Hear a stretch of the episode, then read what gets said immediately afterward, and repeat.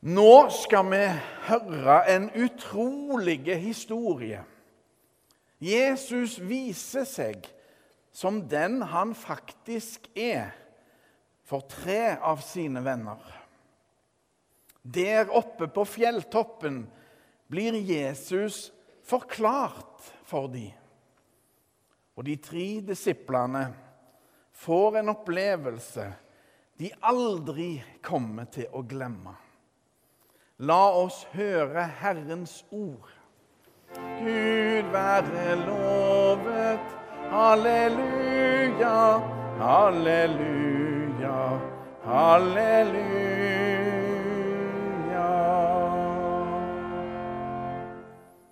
Det står skrevet i evangeliet etter Markus. Jesus tok med seg Peter, Jakob og Johannes og førte dem opp på et høyt fjell, hvor de var alene. Der ble han forvandlet for øynene på dem, og klærne hans ble så skinnende hvite at ingen som bleker klær her på jorden, kan få dem så hvite. Elia viste seg for dem sammen med Moses, og de snakket med Jesus. Da tok Peter til orde og sa til Jesus, 'Rabbi, det er godt at vi er her. La oss bygge tre hytter.' En til deg, en til Moses og en til Elia. Han visste ikke hva han skulle si, for de ble grepet av stor frykt. Da kom det en sky og skygget over dem, og det lød en røst fra skyen. Dette er min sønn, den elskede. Hør ham! Og med ett, da de så seg omkring, så de ingen annen enn Jesus. Bare han var hos dem.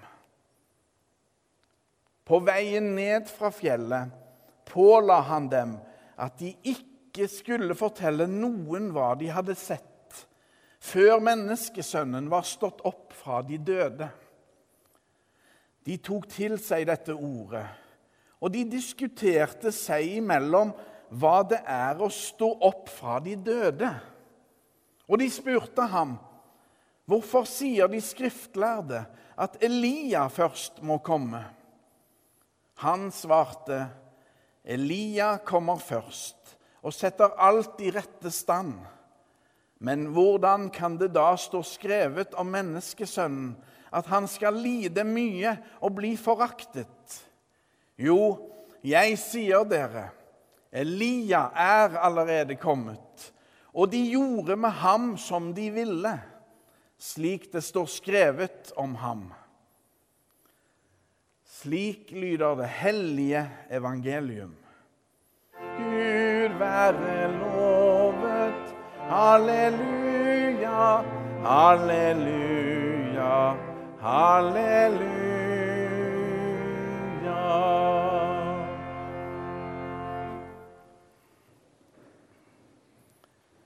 Det var lenge på moten, og det er kanskje det fremdeles, å bruke ordet 'frelst' om diverse ting en var opptatt av. Idrettsfrelst, musikkfrelst, fotballfrelst, sjakkfrelst osv. Ordet kommer egentlig fra frihalset. Om det å være en frigitte slave. En frihals. Satt fri fra slaveriet. Og da er ordet 'frelst' mye djupere og radikalt. Mye mer radikalt enn det å være interessert i noe. Dagens tekst dreier seg om en voldsom opplevelse de tre disiplene får oppe på et fjell. De blir definitivt Jesus frelst, alle sammen.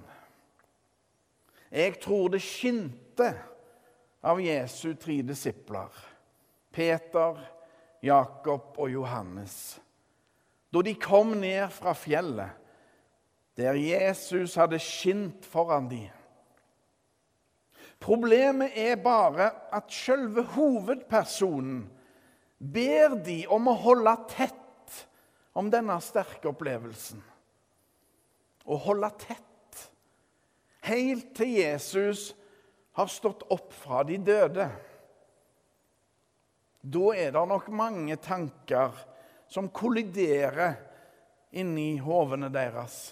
Død?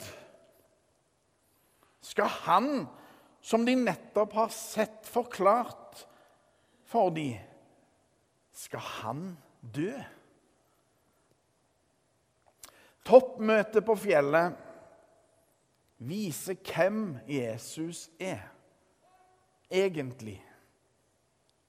Og med ett, da de så seg omkring, så de ingen annen enn Jesus. Bare han var hos dem. Det er han alt sammen dreier seg om. Vi har en som er midt iblant oss, og som er sentrum for vår tro. Han som er Guds sønn, og som viste sitt sanne jeg på fjelltoppen. Han er det som lever og dør og oppstår igjen.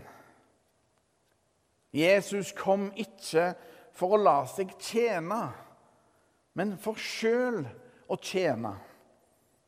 Han går inn i fornedrelsen for å triumfere, for å berge oss alle til seg.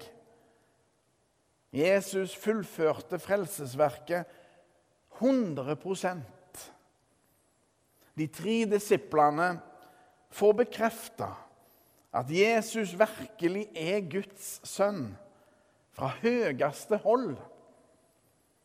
Denne voldsomme opplevelsen må ha gjort et enormt inntrykk på de alle tre. Og de må ha hatt et ganske så stort behov for å prate sammen etterpå om det de hadde opplevd, for å fordøye inntrykkene. Debrief heter det på godt norsk. Etter så mye sinnsbevegelse prater de sammen på vei nedover fra fjellet. Og de får klare beskjed altså av Jesus om ikke å fortelle til noen hva de har vært vitne til. Ikke før Jesus er oppstått fra de døde. Men de forstår ikke hva han mener. Selvsagt gjør de ikke det. Ingen av de kan forestille seg at Messias, Guds sønn, kan dø, kan la seg drepe. Påskens drama i Jerusalem virker langt unna. Men Jesus sier det som sant er, at det virkelig har skjedd. Profeten Elia er kommet Først som den historiske person profeten Elia virkelig var. Men så er han også kommet som veirydderen og den som skal sette alt i stand for Jesus, i en annen skikkelse, men i samme betydning. Og da snakker vi om døperen Johannes. Han er det som i Jesu ord og mening blir omtalt som Elia, veirydderen som gikk foran Jesus. Jesus er her ennå, midt iblant oss, slik som han har lova. Han er i ordet som forkynnes. Han er i fellesskapet vårt. Han er i nattverden. Jesus er veldig lett å undervurdere, siden han ikke trenger seg på. Jesus overkjører oss aldri. Han kommer inn i våre liv med respekt og varme. Hans trinn er lette og varsomme. Han truer ingen til å tro. Jesu nådige kjærlighet er alltid like ny og dogfriske. Nå som da. Det dreier seg om å være Jesus-frelst. Nærhet til Jesus gir oss gjenskinn. Slik månen viser et gjenskinn av sola. Jesu kjærlighet sniker seg inn gjennom den minste sprekk i rustningen vår. Og alt blir forvandla. Jesus Kristus er Guds sønn og ufattelig store. Vi har et uttrykk på norsk som sier 'Jeg tror det ikke før jeg får se det'. Kanskje går det an å snu på det og si 'Jeg ser det ikke før jeg får tro det'. Ære være Faderen og Sønnen og Den hellige ånd, som var, er og blir en sann Gud fra evighet og til evighet. Amen.